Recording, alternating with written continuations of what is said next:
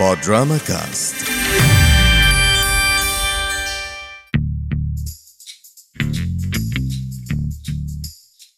مساء الخير. أول مرة سمعت عن إعادة الإنتاج أو ال remake كانت قبل ما أتفرج على The Magnificent 7 في قعدة أسرية ظريفة كده على برنامج نادي السينما.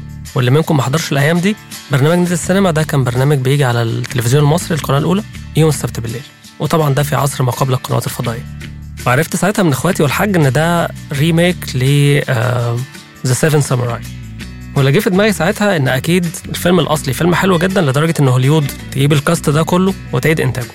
الحقيقة كمان ما بدأتش أهتم بمشاهدة الأفلام الأصلية في حالة إذا كنت شفت ال remake الأول إلا لما كبرت شوية وبقى في طريقة نجيب بيها الأفلام الأصلية عن طريق الإنترنت. بقيت حريص دايما إن نعمل كده. ولو شفت فيلم حلو وعرفت انه remake أروح للفيلم الأصلي وأشوفه وأستمتع وأنا بقارن بينهم. أنا حسام درويش ودي حلقة جديدة من 35 ملي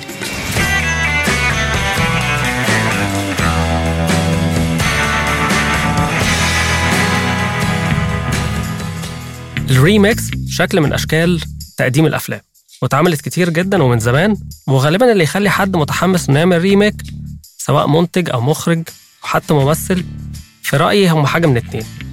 يا إما بيعمل نحتاية بمعنى إنه عندنا فيلم قديم ناجح وليه جماهير فالمنتج يقرر إن هو يستغل الصيت ده ويعمل له إعادة إنتاج وتقديم أو أحيانا السينما الأمريكية بتقتبس عن السينما الآسيوية أو الأوروبية أفلام ناجحة برضه فتاخدها تامركها وتقدمها للجمهور بتاعها. وفي الأغلب الفيلم لما بيروح أمريكا بيتجرد من أحسن العناصر اللي فيه وبيطلع لنا منتج كده استغفر الله العظيم زي أمثلة كتير في السنين الأخيرة. السبب التاني وهو ده موضوعنا إن صانع الأفلام شاف فيلم أثر بيه سواء بقصته أو أسلوب المخرج. فحس إن عنده حاجة ممكن تكون مخلصة للفيلم الأصلي لكن بروح ورؤية جديدة. عندنا مثلا مثال في السينما المصرية زي فيلم الإمبراطور. اتعمل ريميك لسكارفيس طارق العريان عرف يمصره. وما تحسش أبدا إن هو بدل بس الأسماء الأمريكاني أو في الحالة دي كان هو من كوبا بدل الأسماء الأجنبية بأسماء تانية مصري وخلاص. لا عمل فيلم مصري بأجواء مصرية. ولو ما شفتش Scarface مش هتحس إن هو remake. ولو ما شفتش الامبراطور طبعا تروح تتفرج عليه دلوقتي. طيب ال remake بقى ليه أشكال مختلفة. ممكن الفيلم يتعمل بالظبط زي الفيلم الأصلي مع بس تغيير مكان الأحداث. طبعا لو اتنقل من بلد للتانية ومن ثقافة لتانية هيغير الأسماء. أو ممكن بتتاخد التيمة وبتلعب عليها والأفلام اللي معايا النهاردة. في منها أفلام أنا حبيتها أكتر من الأفلام الأصلية لجودتها والحس المختلف اللي قدمته بالرغم من إخلاصها للفيلم الأصلي. بمعنى إنك بتحس دايما إن في حوار بين الفيلمين الفيلم الأصلي وال remake بتاعه. حلقتنا النهارده أفلام remake حلوة ضافت للفيلم الأصلي واتفوقت عليه أحيانا. كالعادة معانا ست أفلام هم في الحقيقة كانوا أربعة بس. في فيلم أنا حطيته في الآخر لأنه نوع غريب من الريميك حسيت إن لازم أجيب سيرته. وفيلم تاني من ترشيح صديقه العزيز صانع الأفلام المستقل والمستقلة أحمد الشماع هناخدهم بالترتيب من الأقدم للأحدث حسب سنة الإنتاج ونبدأ مع فيلمنا الأول. Fistful of Dollars. إنتاج سنة 1964 إخراج سيرجي ليوني. بطولة كلينت إيستوود. جيان ماريا فولونتي وهو إعادة إنتاج غير رسمية للفيلم الياباني يوجيمبو. إنتاج سنة 1961 الفيلم طبعا الأصلي من إخراج أكيرا كوروساوا. واللي بالمناسبة فيلم حلو جدا وممتع و modern بدرجة مش ممكن تتخيلها إنه فيلم قديم اتعمل من 70 سنة. وعموما دي صفة في الأفلام الكلاسيكية. إنها دايما سابقة لدرجة إنك ممكن تتفرج عليه دلوقتي عادي جدا ورشحه جدا برضه للمشاهدة. أتمنى إنك ما تقلقش إن هو أبيض وأسود. اتفرج وعلى ضمانتي الفيلم ما فيهوش كادر وحش. غير إن الإيقاع بتاعه سريع ومش ممل. وبالنسبة لمسألة غير رسمية اللي أنا كنت قلتها في الأول هقول لكم دلوقتي حكايتها إيه. سيرجي ليوني لما جه يعمل الفيلم ما قدرش ياخد موافقة من صناع الفيلم الأصلي وغالبا ده كان بسبب ظروف إنتاجية. ولما الفيلم نزل اترفع عليه قضية من الاستوديو الياباني لكن الفيلم بتاع The Fistful of Dollars نجح وقدروا إن هم يحلوا المشكلة دي بره ساحات القضاء. وده بيقول لنا ليه صناع السينما في مصر أحيانا بينحتوا أفلام أجنبي بس ما بيقدروش يقولوا إنها مستوحاة أو مقتبسة لأن الكلام ده بيستدعي الحصول على موافقة وفلوس بتدفع. وطبعا عشان إحنا سينما تجارية بتاعتنا مش متشافة قوي فالموضوع بيعدي من غير ما حد ياخد باله. معلش نرجع للفيلم. الفيلم بيبدأ بمشهد لواحد رحال ما بنعرفش اسمه إيه لاخر الفيلم.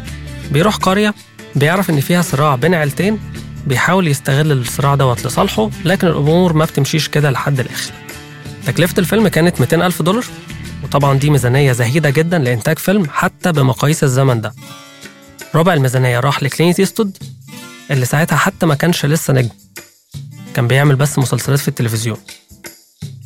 لكن الفيلم نجح حقق أرباح 14.5 مليون دولار وطبعا ده نجاح ساحق جدا بالنسبة للميزانية اللي اتكلفها.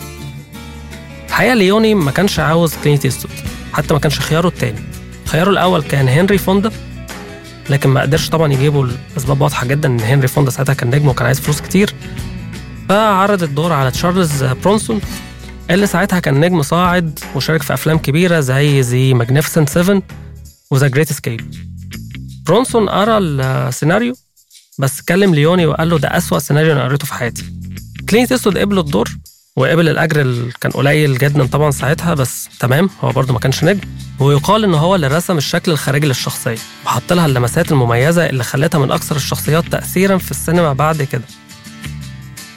اللمسات دي حاجات زي السيجار التوسكاني اللي ما فارقش بقه طول الفيلم تقريبا البونشو المكسيكي اللي كان لابسه والدقن الخفيفة. الشكل ده كمان كان نقلة في مظهر البطل بتاع ال Western. تحديدا من المظهر الرزين الأفندي بتاع جون واين لو حد عارفه أو هنري فوندا حتى كيرك دوجلاس لمظهر cool أكتر.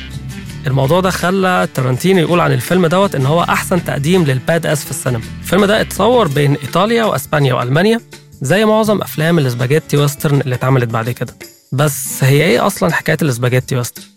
ال Spaghetti Western هو مصطلح اتعمل على الأفلام ال Western الغرب الأمريكي اللي اتعملت في أوروبا. و A Fistful of Dollars يعتبر بدايتها ونجاحه هو اللي خلق ال genre دي. ال genre دي مميزة جدا وعملت تغيير في السينما بعد كده. أفلام ال Western أو الغرب الأمريكي زي ما معظمنا عارف هي أفلام اتعملت في الأربعينات والخمسينات كان البطل فيها ليه صفات مميزة زي الشجاعة القوة الجدعنة. مثال البطل الأمريكي في عصر ما قبل ال superhero. تجسيد للقيم الأمريكية وانتصاره من انتصار الحق الأمريكي والقيم دي. فهو دايما في مقابل الشرير الخارج عن القانون أو للمفارقة أصحاب الأرض الأصليين ال Native Americans. جت بقى الحركة بتاعة ال Spaghetti Western مع أفول الأفلام دي في هوليود. فعملت نقلة لصورة البطل وبقى تقريبا anti-hero بمعنى إن هو شخصية رئيسية لكن مش بالضرورة طيب. بقينا نشوف أحيانا البطل ده حرامي طماع مغتصب مستغل أو قاتل. لكن هو اللي بيقود الأحداث فبنمشي معاه. بنحبه في مواقف وأحيانا بنكرهه في مواقف تانية بس إحنا واخدينه على عيبه. مع إنتاج أفلام أكتر من ال Spaghetti Western بدأت سماتها تتشكل وتترسخ أكتر. فالأفلام دي أعنف من مثيلاتها الأمريكي المونتاج سريع حركة الكاميرا من ال zoom in out حاد جدا وسريع جدا والموسيقى طبعا اللي كان معظمها من تأليف موريكوني وبالمناسبة Fistful of Dollars هو التعاون الأول بين الثلاثي ليوني إيستوود وإنيو موريكوني عملوا فيلمين تانيين بعده مرتبطين بالفيلم ده وبطلهم هو نفس الشخصية وبيدور في نفس العالم. الفيلمين دول For a Few Dollars More و The Good, The Bad and The Ugly. الثلاث أفلام دول على بعض كده اتسموا ب The Dollars Trilogy أو The Man With No Name. سيرجيو ليوني اللي أطلق ال genre دي وكسر الدنيا أخرج بس سبع أفلام.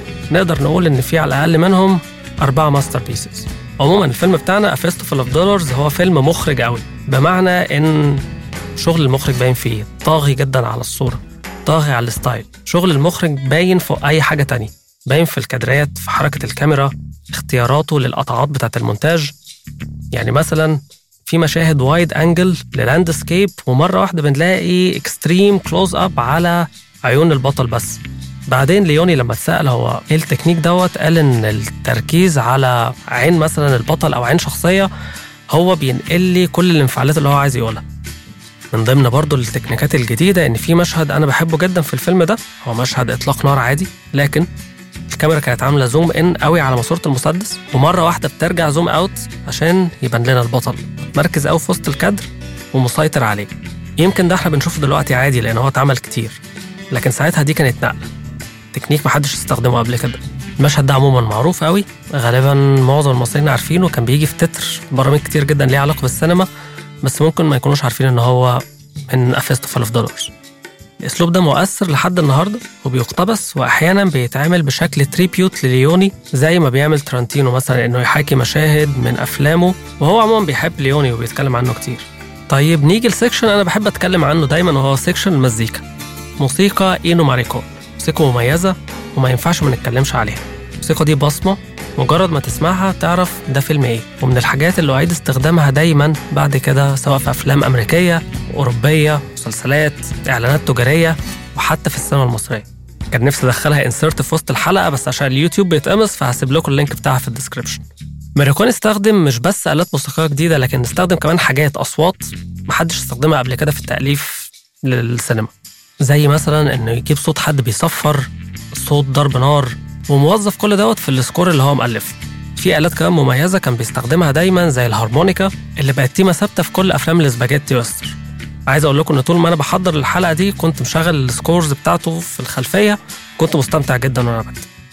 في آخر كلامي عن الفيلم خليني أقول لكم إن ممكن أكون بحب الفيلم الأصلي وجيمبو أكتر منه بحاجة بسيطة لكن ده ما يمنعش إنه فيلم مهم وبدأ حركة سينمائية وتأثيره ممتد لحد النهاردة. بس كده تعالوا ننقل بقى على فيلمنا التاني.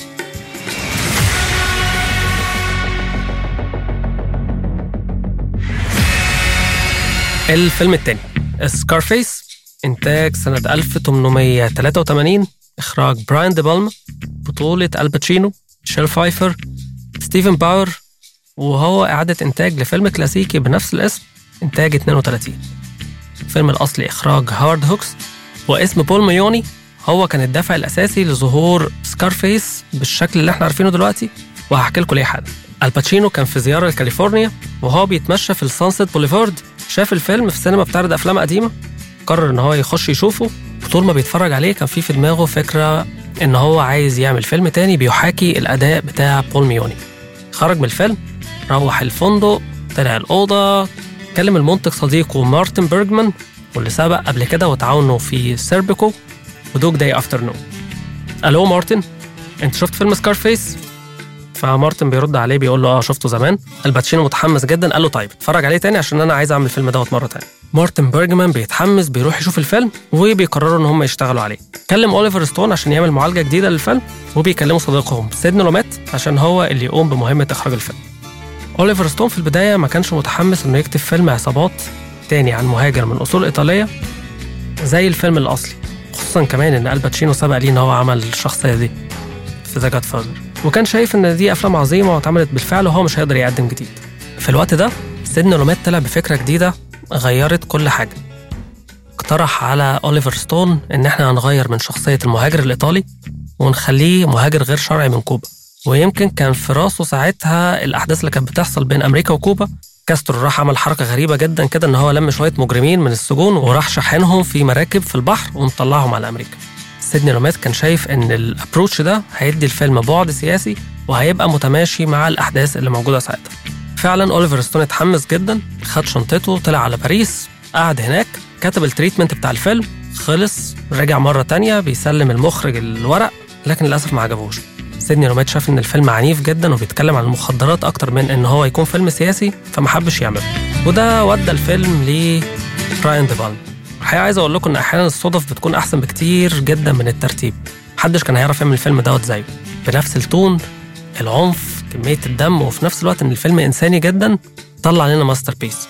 براين دي بالما خد السيناريو الطقم جاهز بدأنا تصوير الفيلم خلص كله تمام. بياخدوا الفيلم وبيروحوا يعرضوه على ال MPAA وال MPAA دي حاجة كده زي الرقابة عندنا بس طبعا هم ما عندهمش النظام الرقابي ده عندهم نظام تصنيف عمري. اللجنة شافت الفيلم وطخ اترزع rated X مش rated R لا X مش مرة لا ثلاث مرات. الفيلم يروح يتعرض على اللجنة ياخد نفس ال rate. يطلبوا من ديبالما تعديلات فهو يعيد ترتيب بعض المشاهد يقصر مشاهد معينة يلعب شوية يعرض عليهم الفيلم ياخد نفس الايه ال rate. طبعا ده بالنسبة للمنتج كارثة خصوصا إن الفيلم فيلم جماهيري وهيتعرض بشكل كبير. هو مش فيلم مهرجان في الآخر. تخيل كده أنت عندك فيلم صارف عليه جايب نجوم كبيرة ومستني أرباح لأن كمان ساعتها كان العرض السينمائي دوت هو الدخل الأول للمنتج. ومرة واحدة الفيلم ياخد rate X ومعنى rate X ان اللي هيتفرج عليه بس اللي فوق 21 سنة. فطبعا في فئة عمرية كاملة مش هتتفرج على الفيلم دوت ودوت هيقلل جدا من أرباح الفيلم. فريق الفيلم قرر إن هو مش هيسكت وياخد القضية لأبعد نقطة. جابوا طقم المحامين بتاع الشركة طلعوا على ال MPAA وطلبوا لجنة تانية زي لجنة المحلفين كده بتبقى مكونة من بعض أفراد المجتمع المدني وناس من جهاز الشرطة. فيلم اتعرض عليهم وبالفعل قدر يعدي ب rate R. معنى كده إن الفئة العمرية هتقل ل 18 سنة.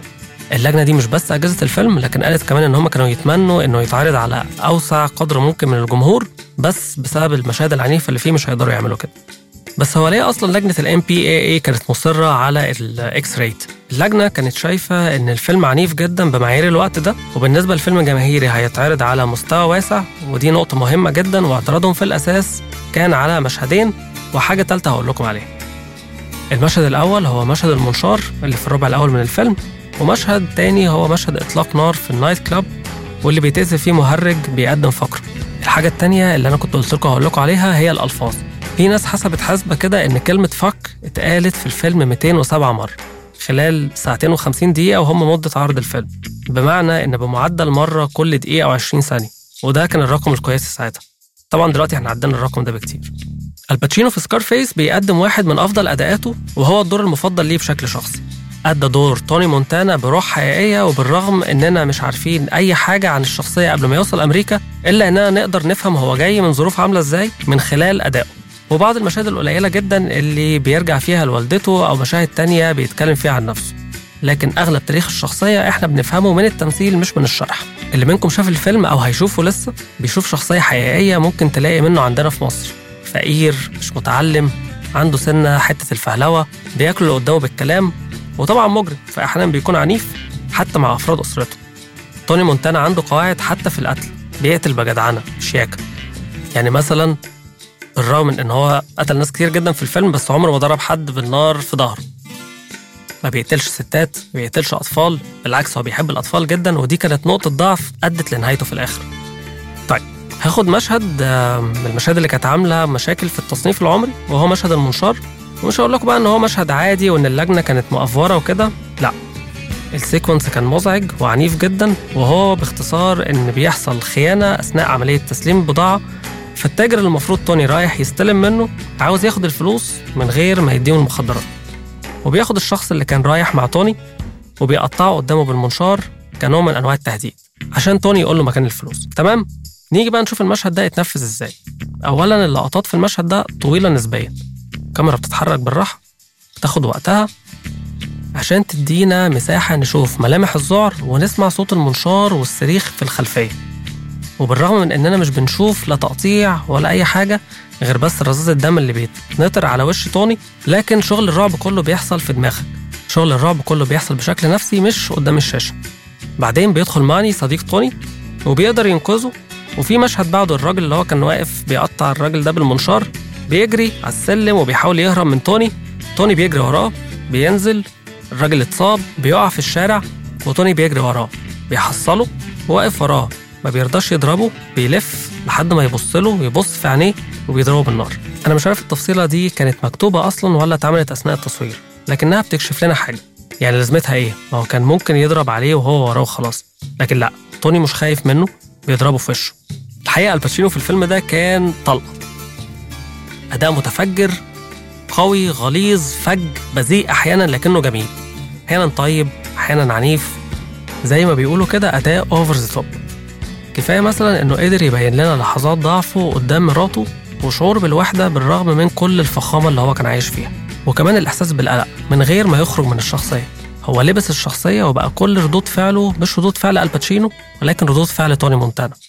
للأسف مسألة إن الباتشينو يلبس الشخصية دي أنا شايف إن هو فقدها تقريبا آخر 20 سنة.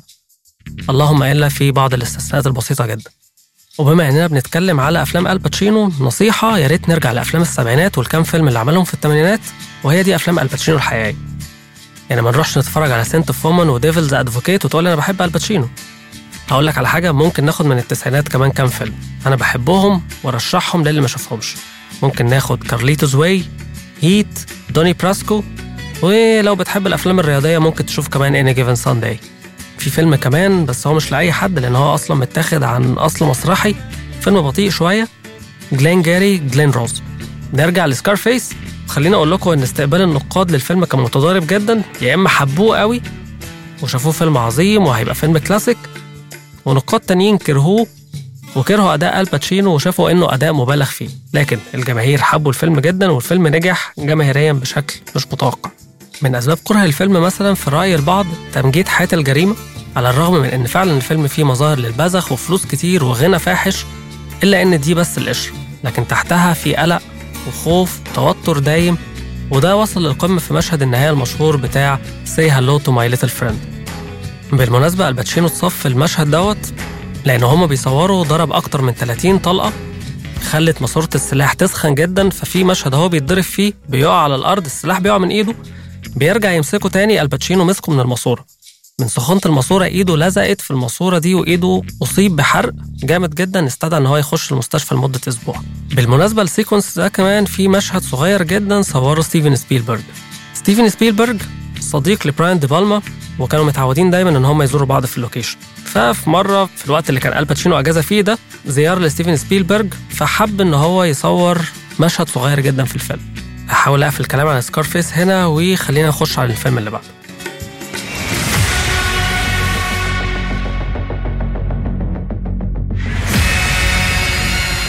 فيلمنا التالت هو Vanilla Sky إنتاج سنة 2001 إخراج كاميرون كرو بطولة توم كروز بينيلوبي كروز كاميرون دياز كيرت راسل وجيسون لي. وهو remake للفيلم الأسباني Abre los ojos أو افتح عينك. إنتاج سنة 1997 إخراج أليخاندرو أمينابار. واللي شفناه في هوليوود في نفس سنة Vanilla Sky مع فيلم The Others الفيلم الأصلي اللي هو Abre los ojos كان بطولة إدواردو نوريجا وبينيلوبي كروز في دور صوفيا اللي هتعمله بنفس الاسم في Vanilla Sky. وحسب كلام كاميرون كرو المخرج قال إن ده جزء من الحوار اللي حب يكون موصول بين النسخة الأصلية وال remake.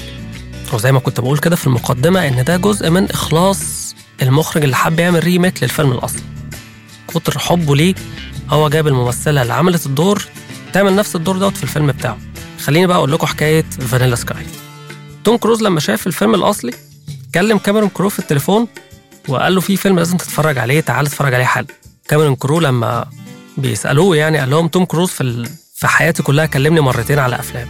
الفيلم ده والفيلم الأولاني كان Trainspotting فأنا عارف إن أكيد الفيلم حلو. بالفعل. شاف الفيلم وعلى طول بدأوا يشتغلوا عليه. كاميرون كرو هو اللي كتب المعالجة الجديدة للفيلم. وكلم أليخاندرو أمينابار استأذن منه إن هو يعمل الفيلم مرة تانية وبالفعل أليخاندرو قال له ده شرف ليا إن أنتوا تقدموا الفيلم مرة تانية وإن هو حابب يشوف النسخة الجديدة. الفيلم بيتكلم عن إيه؟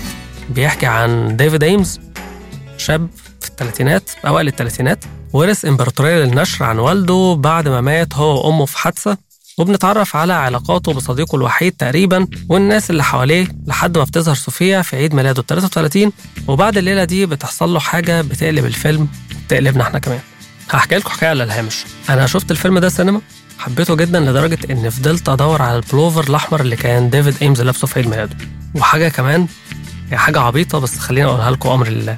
في الوقت ده نستلي كانت نزلت منتج كده اسمه نسكافيه فروسيه وكان فيه نكهتين. نكهة أنا مش فاكر هي إيه والنكهة التانية كانت بالفانيليا. أنا فضلت أشرب المشروب دوت تقريبا لمدة شهر لمجرد بس انها أتعلق بريحة الفانيليا اللي شمتهاش في الفيلم طبعا بس ارتبط باسمه.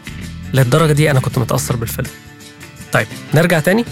بالرغم من إن الفيلم الأمريكي خد مشاهد بالنص من الفيلم الأصلي وتتابع أحداث هو هو إلا إن كل فيلم ليهم ليه تون خاص.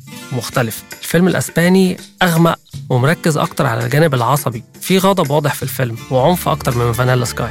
فانيلا سكاي فيه غضب برضه بس غضب مكتوم وتحس إن الغضب اللي عند المتفرج أكتر من اللي باين على الشاشة. حتى مشاهد العنف في Vanilla Sky مش كتير يمكن مشهد واحد وكان في مشهد تاني بس اتشال في ال final cut. حتى السمات الشخصية للبطل الرئيسي في الفيلمين مختلفة. ديفيد مثلا من Vanilla Sky شخصية رافضة للنضوج. أو تقدم السن. وده بيبان قوي في ال sequence الأولاني لما بيقوم من النوم مذعور وبيكتشف إن في شعرايه بيضة في راسه. مش عايز يخرج بره العالم اللي هو بناه اللي فعلا ريحة الفانيليا باينة فيه. ريحة قوية بتفكرك بالحلويات بتاعت الأطفال. حتى نظرة الناس اللي حواليه بتبين له ده. دايما مش واخدينه بجد وبيعاملوه باستخفاف. في مشهد في بداية الفيلم وهو رايح يحضر اجتماع للبورد بتاع مجلس الإدارة ولما بيخش أوضة الاجتماعات بيرمي نفسه على الكرسي بشكل طفولي جدا. ديفيد طفل.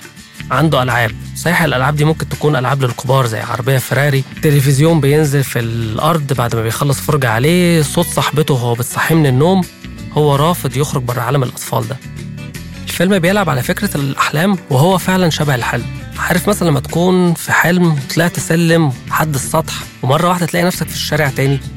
وده راجع للسيناريو. السيناريو قوي جدا مزج الحلم بالحقيقة لدرجة إنك مش عارف اللي بيحصل قدامك ده. حقيقي ولا وهم؟ زي بالظبط ديفيد بطل الفيلم. هو مش عارف إذا كان بيحلم ولا دي حياته الحقيقية.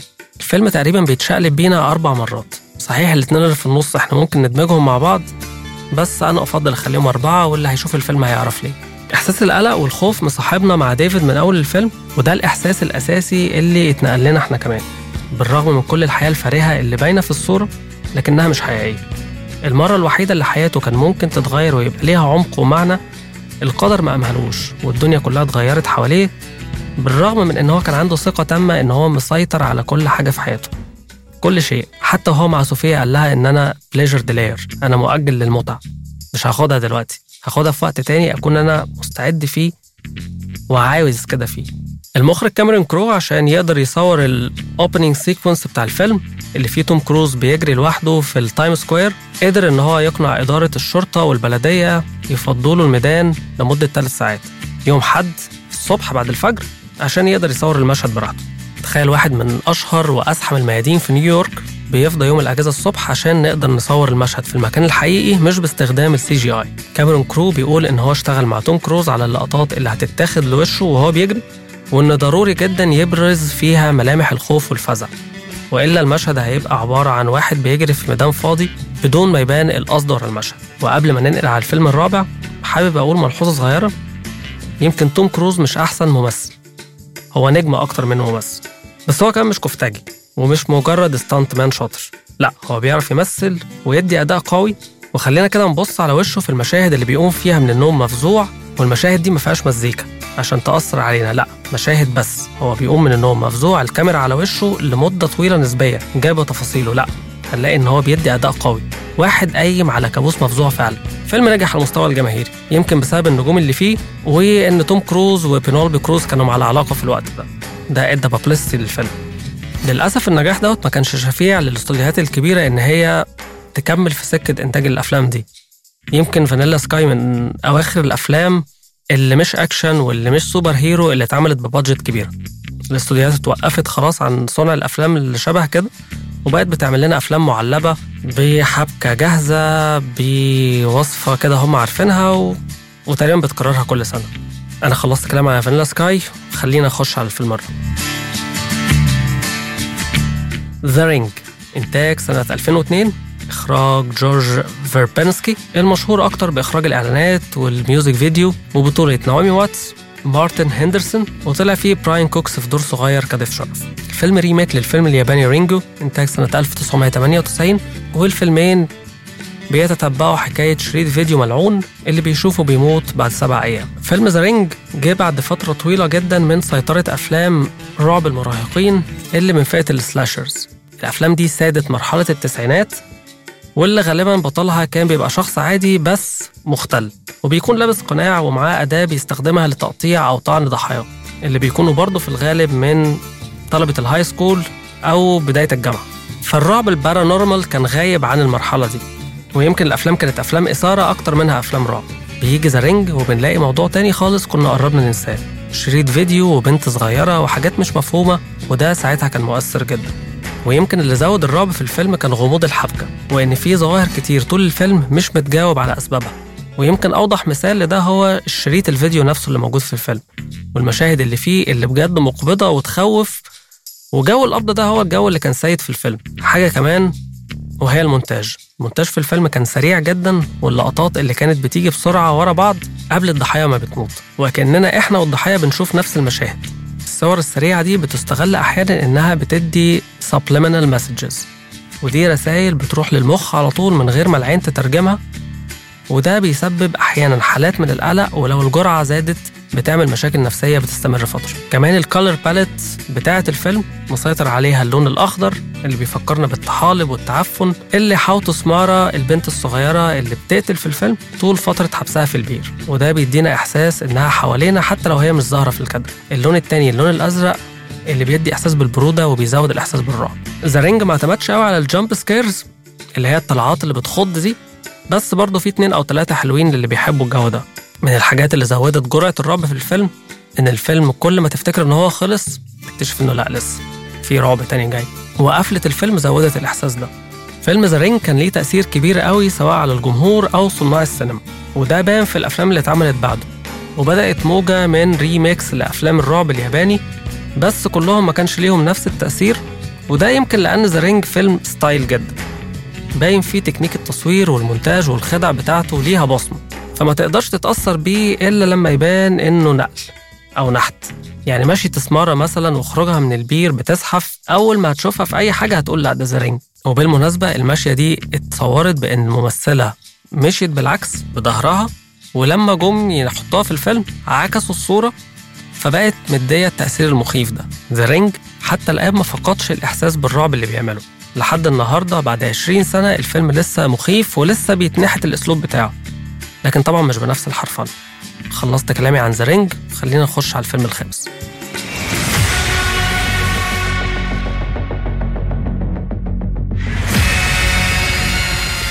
الفيلم الخامس The Departed إنتاج سنة 2006 إخراج مارتن سكورسيزي بطولة all star cast جاك نيكلسون مات ديمون ليوناردو دي كابريو مارك ويلبرج فيرا فارماجا مارتن شين إيه ده؟ فيلم كان فيه أليك بولدوين. والله كنت ناسيه. فيلم remake للفيلم الهونج كونجي Infernal Affairs إنتاج 2002 وإخراج أندرو لاو بطولة توني لينج وأندي لاو. فيلم بيحكي عن ضابط بيروح في مهمة سرية للدخول متخفي لعصابة كاستيلو عشان ينقل تحركاتهم للشرطة ويسهل عملية القبض عليه. ومع الأحداث بنعرف إن على الجانب الآخر في شرطي شغال مرشد لحساب كاستيلو. ودي نفس قصة الفيلم الأصلي ومرة تانية الأحداث تقريبا هي هي وفي مشاهد متاخدة بالظبط من الفيلم. وهنا تيجي صياعة سكورسيزي إن هو يعمل فيلم شبه الفيلم الأصلي لكن كمان فيلم مختلف. ويمكن بس ما غيرش غير شوية في النهاية. حقوق الإنتاج خدها براد بيت وهو كان الإنتاج الأول لشركة Plan B اللي بيملكها وكان في دماغه إن هو هيتقاسم البطولة مع توم كروز. كل واحد فيهم ياخد دور من الأدوار الرئيسية. ساعتها توم كروز ما كانش متحمس قوي فالسيناريو راح لليوناردو دي كابريو اللي فرح جدا واتحمس إن هو يلعب دور بيل. براد بيت قال إن ما ينفعش إن هو يعمل الدور اللي مواجه ليه لأن الفرق بينهم تقريبا 10 سنين. المفروض في الفيلم إن الشخصيتين دول قريبين من بعض في السن. فتراجع واكتفى بس بالإنتاج. وأثناء تصويره لفيلم Ocean's 12 عرض دور كولين على مات دايمون وبيقول مات دايمون إن براد بيت راح سأله تحب تشتغل مع سكورسيزي؟ فأعتقد طبعا إن هو بيهزر لأن محدش بيتسأل السؤال ده. ما ينفعش حد يتقال له إذا كان يحب يشتغل مع مارتن أو لأ. أكيد يحب ووافق طبعا على السيناريو. مع الفارق في اتنين ممثلين تانيين شاركوا في الفيلم لكنهم رفضوا الأدوار في البداية. أول واحد فيهم جاك نيكلسون اللي كان شايف إن دور كاستيلو صغير قوي ومش مناسب ليه. وده نفس السبب اللي خلى آل باتشينو يرفض الدور قبله. لكن سكورسيزي قدر يقنعه بأهمية الدور وإن في حالة إنه وافق هيشتغل على الشخصية ويبقى مساحة الدور أكبر من كده. تمام؟ تمام. أنا أقدر أفهم إن واحد زي جاك نيكلسون يتفاوض أو حتى يرفض دور لسكورسيزي. لكن ليه مارك ويلبرج يعمل كده؟ هو مش بس رفض لأ ده رفض رفض مباشر أثناء مكالمة ليه مع مارتن سكورسيزي اللي لما لقى رفض تام من ويلبرج قال له خلاص تمام وقفل السكة. شوف يا أخي الجبروت.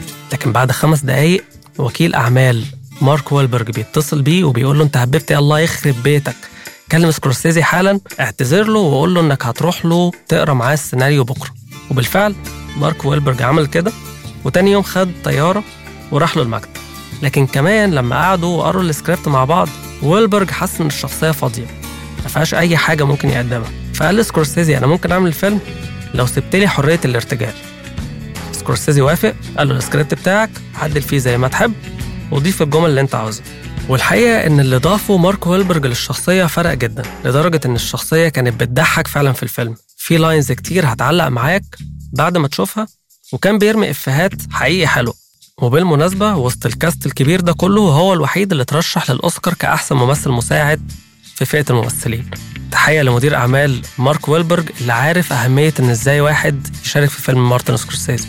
بالنسبة لسكورسيزي بقى كان حابب بعد ما خلص The Aviator وقبله عمل Gangs of New York إنه يعمل فيلم صغير بحبكة عن عصابات الشوارع فلما جاله السيناريو وافق عليه على طول.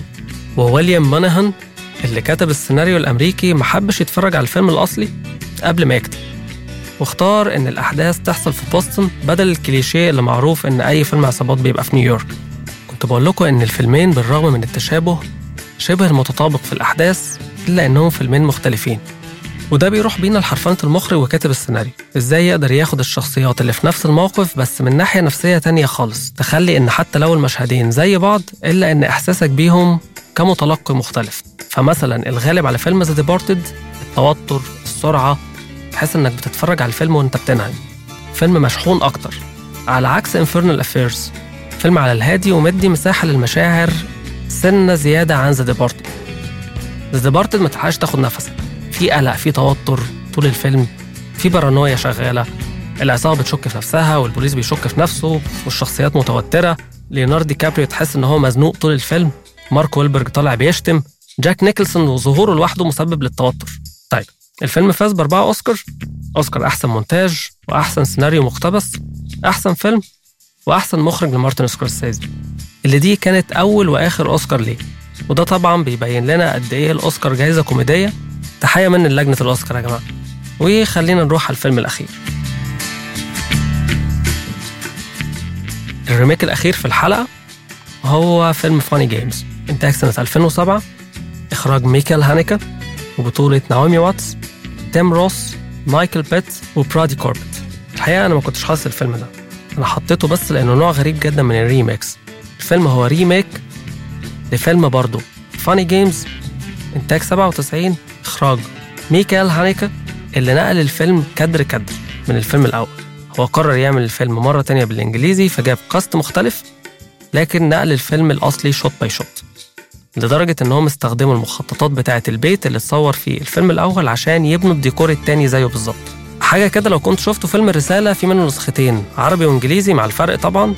فيلم الرسالة الفيلمين اتصوروا مع بعض في نفس الوقت. لكن الفيلمين دول الفرق بينهم 10 سنين. طيب الفيلم ده سواء الأصلي أو التاني من أكتر التجارب المزعجة اللي أنا شفتها ودي يمكن سمة مشتركة في كل أفلام هانيكا أنا حطيت الفيلمين دول في القايمة لأن ما أظنش إن ده اتعمل قبل كده أو على الأقل أنا ما شفتش. لكن بالرغم من إن الفيلم مزعج إلا إني بحبه جدا وشفت النسختين بتوعه. الفيلمين متطابقين حتى في استخدام زوايا التصوير حتى المزيكا اللي في ال opening credits واحدة. تخيلوا صعوبة ده إنك تعمل نسخة تانية من الفيلم بعد عشر سنين. لو ما شفتش الفيلم خلي بالك لأنه هيفضل معاك فترة طويلة وممكن يصيبك بحالة من حالات القلق. وأنا مش هتكلم عليه أكتر من كده في الحلقة دي لأن يمكن أبقى أعمل حلقة مخصوص عن ميكال هانيكا بكده حلقتنا خلصت. شرفتوني بالاستماع. قولوا لي رأيكم في موضوع الحلقة والأفلام اللي فيها. ولو في أي remake تاني أنتوا شايفينه حلو يا ريت تكتبوا لي كان معاكم حسام درويش أشوفكم الحلقة الجاية. سلام.